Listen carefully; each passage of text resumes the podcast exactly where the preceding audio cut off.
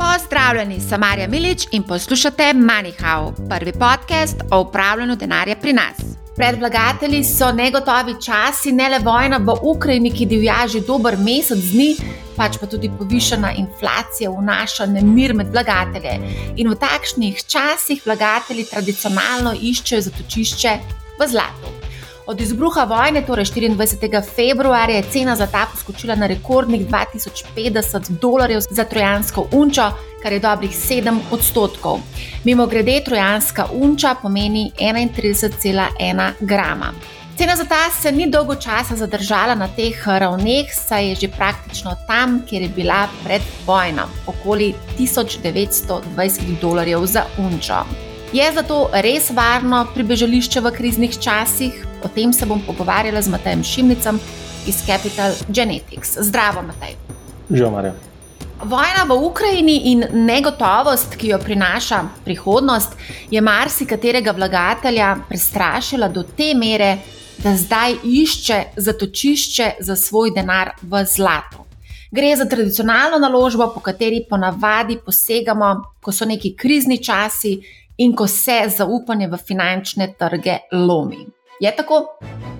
Ja, običajno je zlato najbolj popularno v, v časih, kjer je obstaja nek strah pred um, nekim razpadom finančnega sistema oziroma tveganji, ki jih predstavlja stabilnost finančnega sistema. Tako da takrat je zlato popularno, pa, mislim, je, je pa vedno na trgu določeno popraševanje zlata. Vemo, da gre predvsej zlata za a, nakit, za zakladništvo, za a, devizne rezerve in tako naprej. Tako da vedno obstaja nek popraševanje po zlatu. Se pa v takih časih ja pojav predvsem na, na retail delu oziroma na tem naložbenem delu a, povečano popraševanje med malimi vlagatelji. Ja, dejansko, ko si omenil propad finančnega sistema, tudi nekaj teh vprašanj smo dobili od naših poslušalcev, ali se res to lahko zgodi in ali je zlato rešitev. O tem bova tudi malce več kasneje. Bi pa rada izpostavila eno zadevo, ki mi je bila zanimiva in sicer na Valikonu so spraševali ljudi, kam 100 tisočaki v tem hipu. Večina, torej dve tretjini, je odgovorila, da bi denar investirala v nakup zemljišča oziroma nepremičnine.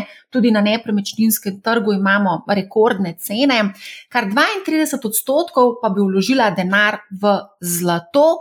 Torej, še vedno velja, da Slovenci v teh negotovih razmerah radi kupujemo, investiramo naložbe, ki se jih lahko dobesedno fizično dotaknemo. Ja, v bistvu je to kar običajna narava v, v obdobju, ko je neka inflacija, ki je bojazen, da se bo vrednost uh, denarja, ki ga nosimo v žepu, zmanjšala, oziroma da, da bomo za ta denar dobili v prihodnje manj. Zdaj, tukaj pri nas, seveda, niso ekstremne razmere, tako da še vedno uh, ljudje razmišljajo o nekih alternativnih naložbah, kot so kot si omenila, zlato in nepremičnine. Ne? Smo bili pa recimo priča v, v, v Turčiji, pa, pa tudi uh, v Rusiji, predvsem za Turčijo so bile novice, ker je lira izgubljala precejšno vrednost napram, napram evru, da so ljudje recimo pa kupičali avtomobile in druge trajne dobrine, ker so bili to najlažje dostopni hranilci vrednosti. Tako da v različnih časih ne, ljudje iščejo različne rešitve, kako zavarovati to svoje premoženje pred, v bistvu pred inflacijo. Ja, spet nekaj fizičnega, rabljeni avtomobili. Ena stvar je, recimo, v primeru nepremičnin, da, da gre za, za naložbo, ki jo lahko oddajamo in, in nosi neke prihodke v prihodne. Recimo, temu prihodke, ki so uh, zavarovani pred inflacijo, ker ljudje pričakujejo, da vedno lahko dvigujejo vrednost nepremičnine oziroma nivo najemnine. Na drugi strani so pa premoženja, kot je uh, zlato, ki ne nosijo nek, nekega donosa, konstantnega, je pa v družbi v bistvu odnos do te naložbe tak, da je vedno obstaja možnost, da to prodamo, oziroma da se nekdo drug zanima za, za, ta, za to sredstvo. No, vse o tem bomo potem še malce več kasneje povedala. Zanimiva mi je bila pa tudi anketa, ki sem jo naredila na mojem LinkedIn profilu in jo, spremlja 7000 ljudi, približno ta LinkedIn profil. Kaj bi storili z desetimi tisočaki za obdobje petih let. To je ravno tisto obdobje, ki je res negotovo in ne vemo, kaj se bo zgodilo. Na prvem mestu so zanimivo izglasovali, torej s 45 odstotki so izglasovali delnice in delniške sklade, na drugem mestu pa so bile plemenite kovine s 25 odstotki. Očitno se pomembno razlikujejo mnenja med različnimi skupinami, tako po starosti, kot tudi po poklicu in statusu. Tako da se tukaj sprašujem, kdo so tisti danes, ki investirajo v zlato. Gre za to, mogoče tiste, ki so malo manj finančno pismeni ali mogoče želijo se dotikati svojih investicij, mogoče gre to za starejšo populacijo. Težko rečem. Jaz mislim, da gre bolj za, za v bistvu posameznike, ki so. Mogoče bolj tradicionalno naravnani, ki niso tako aktivni na finančnih trgih, v bistvu so v določeni meri tudi podlegli nekim uh, oglaševanju in, in, in mantri v tem, da, da je zlato edina uh, končna rešitev. Ne. V teh časih. Ne?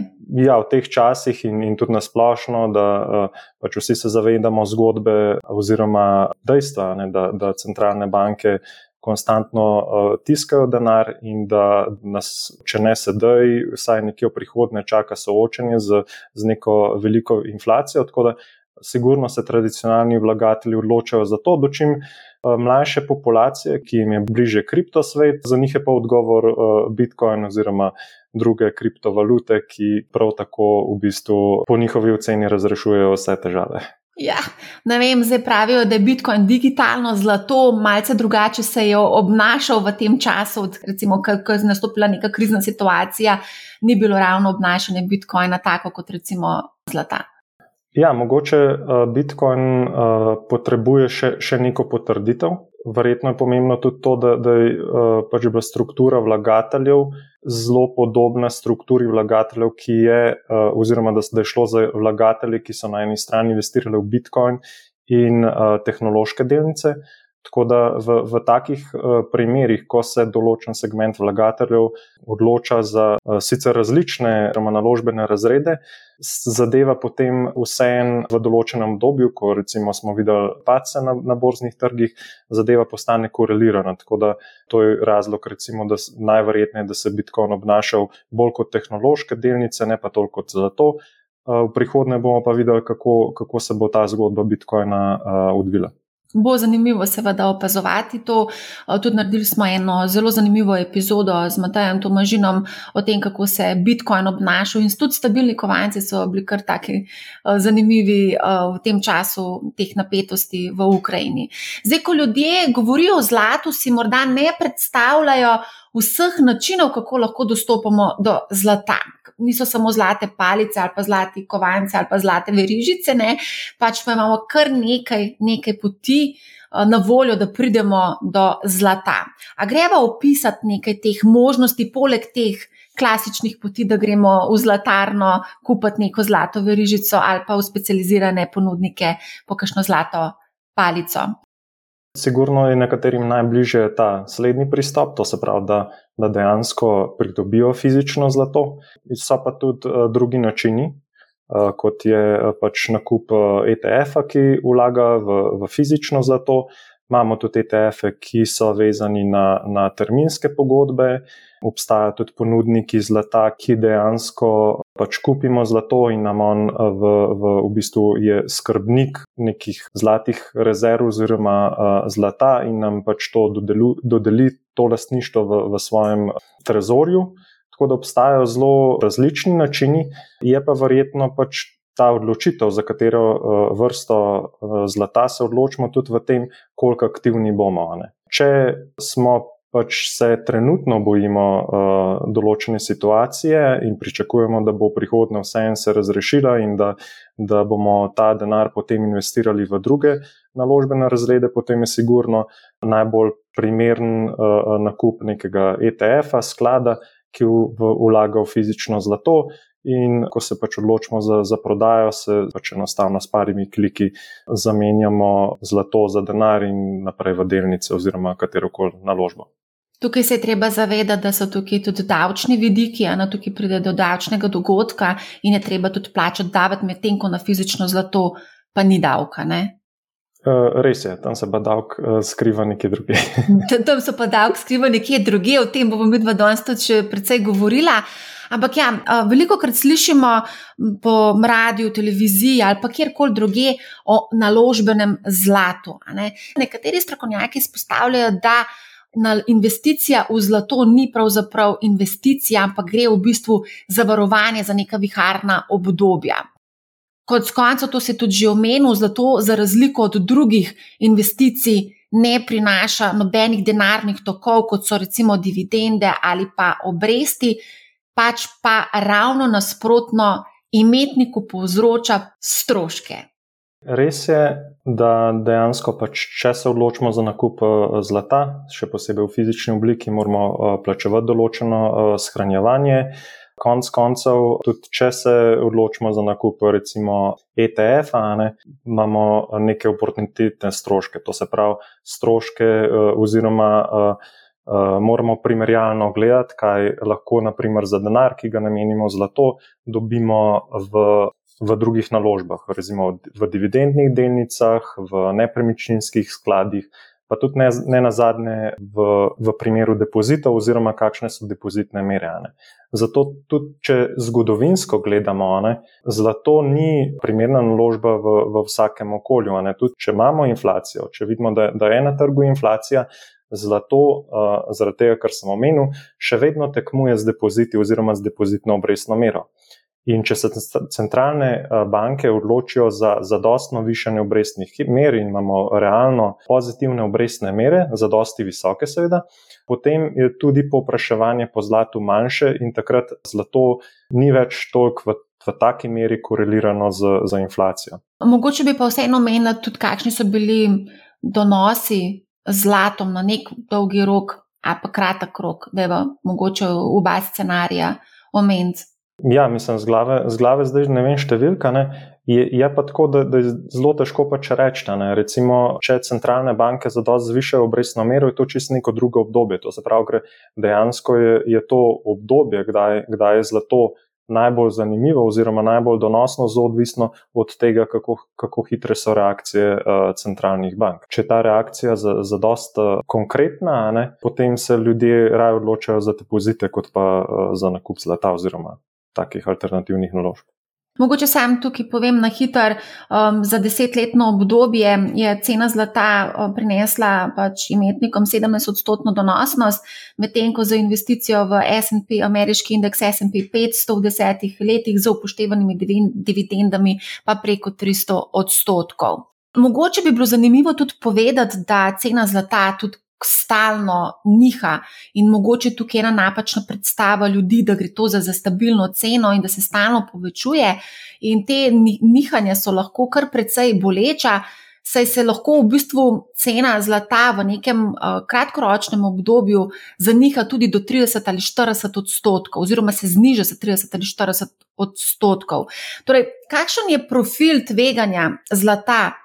Glede na delnice, nepremičnine, mogoče tudi na kakšne druge naložbe, kot so denimo surovine. Ja, absolutno je zlato bolj podobno pač po svojem gibanju uh, surovinam. Je pa razlog v tem, da recimo, če gledamo neke delniške indekse, neka podjetja, so tam pač vse vlagatelji odločajo predvsem na podlagi nekih uh, dolgoročnih pričakovanj, kako uspešno bo to podjetje.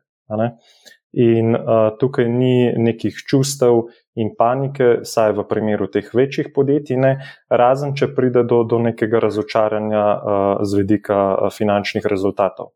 Dočim zdaj, če pogledamo uh, zlato, je tako kot so prej omenila, je gibanje zlata oziroma popraševanje po zlatu, tem naložbenem, na retail delu, tudi na, na institucionalnem, je vsta popraševanje bazirano na, na varovanju, to se pravi na, na varovanju pred neko paniko, oziroma je razlog za popraševanje tudi panika. Zaradi tega so, so, je povsem normalno, ne, da, da so te premiki precej hitrejši, tako na vzgor kot uh, na vzdolj. Mogoče bi tukaj še izpostavila uh, cikle, Podobno kot imamo te cikle na delniškem trgu, imamo tudi cikle na trgu zlata. Torej imamo neko izmenjavanje bikovskega in medvedjega trga tudi na trgu zlata, pa bi tukaj izpostavila mogoče dva primera. Od začetka 80-ih pa do preloma na novo tisočletje, torej leta 2000, je cena zlata v 20 letih upadla za 64 odstotkov. Mogoče tukaj samo pripomnimo, da so na drugi strani delniški trgi v ZDA doživeli tu največji razcvet v zgodovini. In ta druga, drug primer, ko se je zgodilo ravno nasprotno in sicer od leta 2000 do 2012 je bilo zlato v bikovskem naletu, pri čemer se je cena v tem obdobju ukrepila za 609 odstotkov, medtem ko so delniški trgi bili večino časa v medvedjem trgu. Zdi se, da se bik iz delniškega trga nekako preusmeri ali pobegne na trg zlata in obratno, in tudi vzame si svoj čas za divjanje na obeh trgih. Ne, te cikli trajajo po 10-20 let. Ne. Se pravi, bik skače iz delniških trgov mal na zlato in potem pride spet nazaj. Dejansko gre, gre za to, da tudi če pogledamo na, na področje inflacije, ne, kako se inflacija giba, gre prav tako v, v ciklih. Ne. Razlog je pa precej enostaven. Ne. Zelo radi pač vlečemo črte in, in pač oblikujemo pričakovanja na podlagi nedavnih trendov, in je vsem povsem naravno, da če je nafta uh, bila 80 in je najem zdaj 100, in je gre na verjetno na 120, 150, 200, 300 in tako naprej. Ljudje zelo hitro začnejo obli, oblikovati neke trende in neka pričakovanja, ampak uh, realnost je povsem drugačna, ker se pač cenam prilagaja tudi popraševanje. Popraševanje je elastično, oziroma je odvisno od cene, in v primeru, da se, da se bo nafta višala, bodo tudi pritiski na, na potrošnjo, in se bo potrošnja zmanjšala, uh, s tem se bodo zmanjšali tudi inflacijski pritiski. Tudi centralne banke bodo odreagirale z višjo obrestno mero, ekonomija se ustavi, in uh, v takih okoljih potem pač ni več inflacijskih razlogov za popraševanje zlata. Običajno se v, v takem okolju, potem so razlogi, ko se ekonomija ustavlja, se po, običajno težave preselijo v bančni sistem in v negotovost zaradi morebitne stabilnosti finančnega sistema, ampak slejko prej se pa tudi ta zadeva umiri in jasno takrat popraševanje po zlatu izgine oziroma postanejo relativno bolj zanimive delnice, ki so pač ugodno vrednotene v takem okolju. Zdaj, res pogosto omenjamo, ko govorimo o zlatu, tudi seveda omenjamo inflacijo. Jaz se pa sprašujem, ali bi lahko naš portfelj zaščitili drugače in sicer proti povišeni inflaciji, in sicer da bi uporabili uh, inflacijsko zaščitene obveznice, to so tako imenovane TIPS, torej Treasury Inflation Protected Securities, ali bi lahko to uporabili namesto zlata. Ali je mogoče ta sistem ali pa princip zaščite portfelja z zlatom, mogoče je to mogoče zastarelo? Jaz mislim, da je zastarelo, oziroma je nekoliko okorno. Te inflacijsko uh, ščitene obveznice so alternativa, ampak uh, v bistvu je, je odgovor na zaščito pred inflacijo pač precej bolj uh, enostaven. Ne. Če pričakujemo neko zviševanje cen, uh, splošne ravni cen, vemo, da ta te dvigi cen od nekod prihajajo. To se pravi, ali je to nafta, ali so to uh, agroživila oziroma agrosurovine, uh, lahko, so, uh, lahko so to kovine, lahko pač mrzkakšna stvar vpliva na, na inflacijo. In verjetno na, na, vsa, na vsak tak uh, asset, oziroma na vsako tako stvar, ki se draži, najdemo v zadju nekoga, ki na ta način profitira. To se pravi, zakaj bi se odločali za nek zlato, pač če pričakujemo zviševanje cen nafte, potem se pogledamo lahko naftna podjetja, če pričakujemo zviševanje cen kovin, lahko pogledamo v tej surovini za, za delnice. Tudi, če, recimo, če se vrnemo, tudi če pričakujemo rast cen zlata, se lahko tudi odločimo za rudarska podjetja na področju zlata. Recimo za kmetijske surovine je mogoče malo teže. Vse pa vse najde, eh, pač eh, na to so vezani eh, pridelovalci gnojil in tako naprej.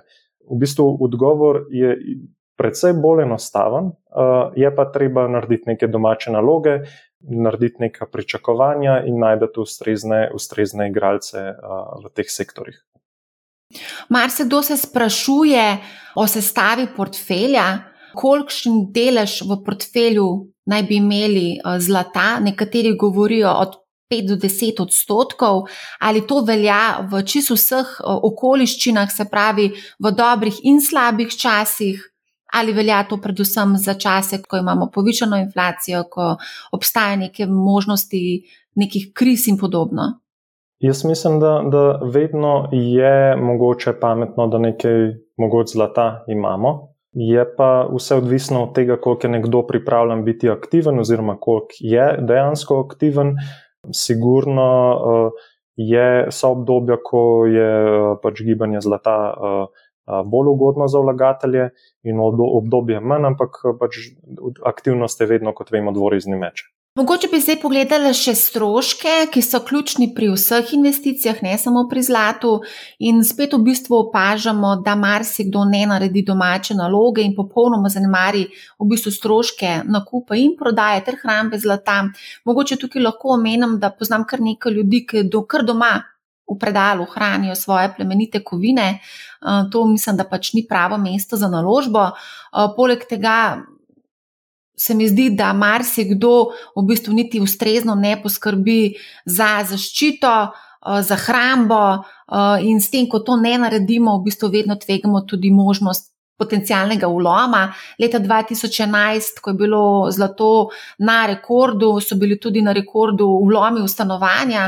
Takrat smo celo uspeli pokazati korelacijo med ceno zlata in pa številom vlomov. Takrat je tudi policija v bistvu opozarjala, da se je število ulomov povečalo in da so lopovi v volovu za zlatnino, ki jo hranimo doma. Tudi ta vidik ne, je potrebno upoštevati. Ne. Ni to, to, da kupimo eno zlato, zlato ne palco, ampak tisto ploščico in jo vržemo nekam v predal in pač pustimo, da, da, da se nabira praktično prah na tej ploščici. Ne. Ja, v bistvu prvi strošek, ki ga imamo pri nakupu zlatih ploščic, so sigurno provizije oziroma razlika med nakupno in prodajno ceno. Manjše kot so te ploščice, oziroma manjšo količino kot uh, kupimo, večje so te razlike. Lahko tudi 10, 15, lahko tudi 20 odstotkov, odvisno od, od, od uh, uh, ponudnikov, uh, tipa uh, uh, samega, samega izdelka. Tako da najprej, sigurno, moramo biti pri tem na to pozorni, potem pa jasno, moramo, moramo nekje varno shranjevati to svoje premoženje, oziroma uh, mora biti še celo plačevati uh, trezor oziroma hrambo pri, pri bankah. Ko sem preletela cenike, sem ugotovila, da se en gram, en gram zlata lahko prodaja tudi po več kot 30 odstotkov višji ceni uh, od tržne cene. Se pravi, večja kot je količina, manjša so pa tudi te razlike v primerjavi s tržno ceno zlata. To je zelo pomembno, da se v bistvu tudi tega uh, zavedamo. Mogoče bi vsem uh, za konec uh, preverila še uh, nekaj sporočil, ki smo jih dobili od naših poslušalcev oziroma gledalcev glede zlata. Pa deva najprej pogledati nekaj komentarjev, nekaj vprašanj. Prišlo recimo Katarina prek našega Discorda, v Discord kanalu objavim povezavo do, tudi v opisu epizode do našega Discorda. In sicer Katarina sprašuje, na kaj mora biti pozorna pri nakupu zlata. Skrbijo namreč napovedi propada fiat valute. Mogoče tukaj lahko tudi dodam, da je M. Trtnik, ne vem kako mu je sicer ime, dodal, da se je potrebno sploh najprej v prvi fazi vprašati, zakaj kupujemo zlato. Kakšni so torej motivi? Mogoče o tem smo sicer že nekaj na začetku govorila, omenjala smo tudi, mogoče, da gre spet za neko čredno potezo, se pravi, veliko se o tem govori, veliko se oglašuje in posledično ljudje uh, seveda se ustrašijo vseh teh uh, črno, črnih napovedi, ki jih beremo in vidimo vsak dan uh, v novicah. Mogoče tudi to je eden od glavnih motivov, zakaj ljudje zdaj bežijo v, v, v zlato. Ampak ja, pomembno je, da smo pozorni na določene specifike, pa da je vam mogoče še to omeniti, katere so te specifike. Sigurno je, se strinjam z izjavo, pač treba je vedeti, zakaj, zakaj kupujemo zlato. Dejansko je to pri vseh naložbah, ker če ne vemo, zakaj kupujemo, ne vemo, oziroma ne vemo razlogov, zakaj kupujemo, bomo imeli težave, če pride do paca cen in bomo enostavno zganjali panike in ne bomo vedeli, kdaj prodajati. Ne? Če zdaj si v, v, v glavi oblikujemo nek scenarij, zakaj to kupujemo, in tega in se ta scenarij ne potrdi, potem pač nimamo razloga za to naložbo, enostavno to prodamo in se odločimo za, nek, za neko drugo naložbo. Zdaj, pri zlatu, ne, na kaj paziti je. ravno zato zlato ima tak položaj, ne, kot ga ima, ko govorimo o fizičnem zlatu. Ga ni možno ponarejati, zelo malo se ga uporablja v industrijske namene, oziroma se ga v bistvu uničuje. Recimo, ko govorimo o, o nekih drugih kovinah, ne, pristanejo v industrijskih izdelkih oziroma v masovni proizvodni in ta v bistvu ta uh, zaloga izginja. Uh, te, zlato, pri zlatu ne gre za to, pač zlato, kar se ga nakople, v večini primerov ustane na površju oziroma v uporabi. Tako da uh, je z tega vidika uh, je hranilc vrednosti.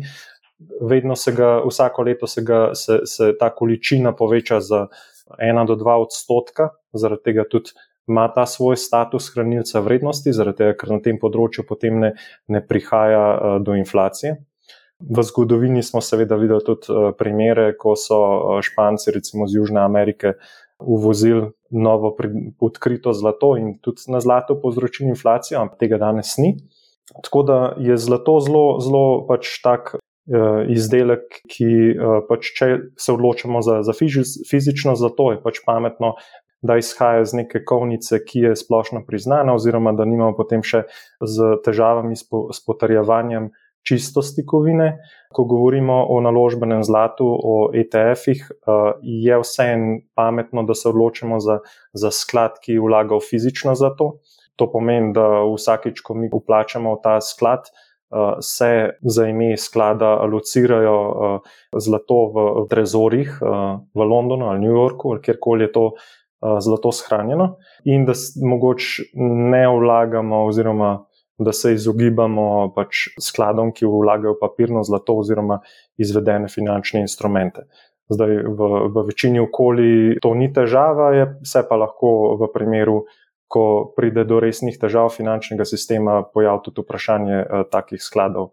Tako da mogoče eh, boš klikniti nek, nekega drugega, nek drug uh, delnico nekega drugega sklada.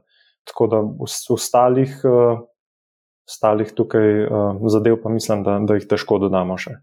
Mogoče samo še certifikat, ko kupujemo fizično zlato, je fajn, da dobimo certifikat ob nakupu tega zlata. Ne? Ja, ja, ja. v bistvu, da, da izhaja iz neke kovnice, da te, te, te palčke oziroma a, palice so običajno ustrezno pakirane, imajo, imajo vsa potrdila.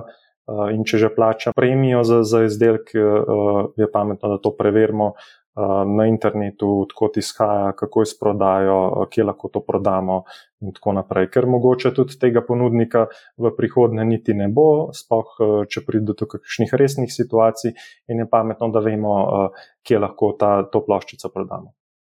Uh mhm. -huh. Ok, gremo naprej. Damjan. Damjan nam je tudi pisal in sicer pravi, da je pred časom del portfelja investiral v fizično zlato oziroma srebro preko slovenskega posrednika, seveda po bogat, bogatih provizijah, ker nisem imel informacije, da je varno kupovati tudi preko spletne strani Bullion World. To smo že večkrat omenjali tudi na Manihavu, to spletno stran. Um, Damjan pravi, da je bil delno skeptičen glede hrambe pri njih zaradi pomankanja izkušenj in zaradi slabih praks oziroma prevar na splošno.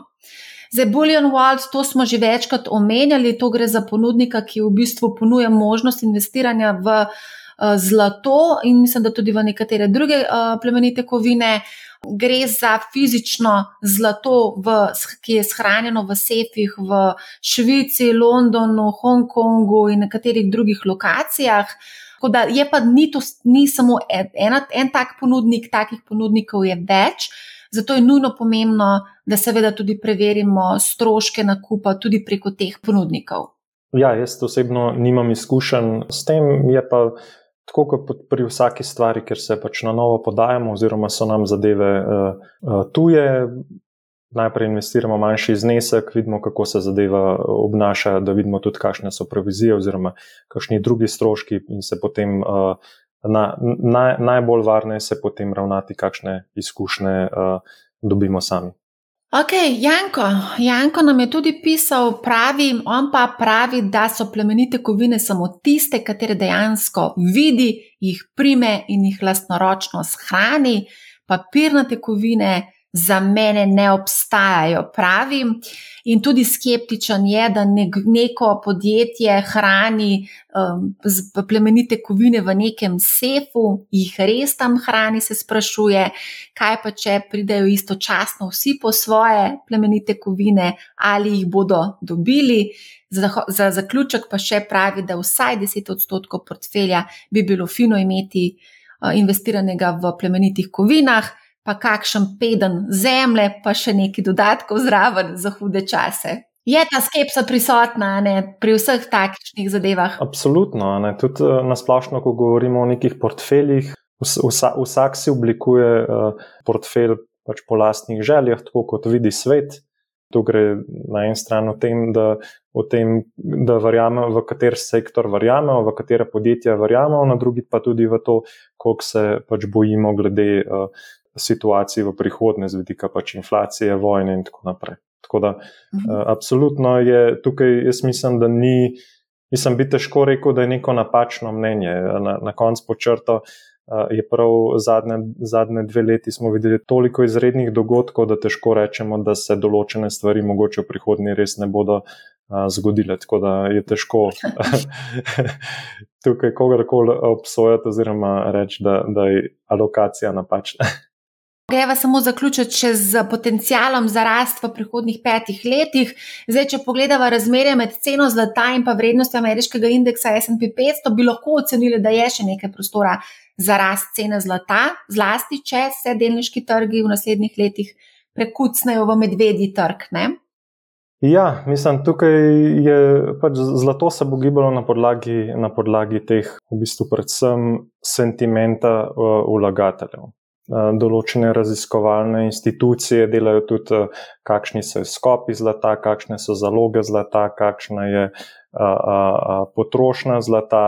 Nekdo drug bo na, na grafu vrstil, tako kot so prej slišala, fiat valute in printanje centralnih bank, in kakšno je razmerje med, med izdanimi izdanimi dolarji in, in uh, vrednostjo zlata, in tako naprej. Tukaj obstajajo različni, različne metrike, ki jih uh, uh, ljudje gledajo, ampak na koncu bo uh, vse odvisno od, od uh, cel, celega kupa nekih dejavnikov od, od, od, in počrto zaupanja uh, vlagateljev. Jaz verjamem, da se bo v prihodnje. Uh, inflacija umirila, oziroma bodo, če drugega ne, visoke cene prisilile k uh, ljudi in podjetja, k manjši pot, pot, potrošnji teh surovin in bo tudi na račun tega bodo cene opadle. Verjamem, da se bo v doglednem času uh, tudi umirila situacija v, v Ukrajini in v takem času se bodo vlagatelji najverjetneje odločili za posebno druge naložbe, kot pa je zlato, oziroma je lahko zlato spet za nekaj časa pozabljeno. Bomo pa videli, kdo ima, kdo ima prav. bomo videli, vsekakor se mi pa zdi, da je investicija v dobre odnose lahko tudi mogoče na kup zlate verižice, diamantnega prstana ali pa srebrne, ne vem, srebrnega pribora. ja, se strinjam. Ok, Matej, najlepša hvala za zanimivo debato. Mislim, da sva približno povedala, kaj trenutno dogaja na trgu uh, zlata. Uh, seveda bomo budno spremljali trg zlata še naprej. Tako da najlepša hvala, da si se vzel čas in delil z nami tvoje razmišljanja. Hvala, Marja. Hvala tudi poslušalcem in gledalcem. Če vas kaj žuli, pišite mi na marja.afnabusinessspace.com. Poslušajte Manihau, ne bo vam žal, lep pozdrav!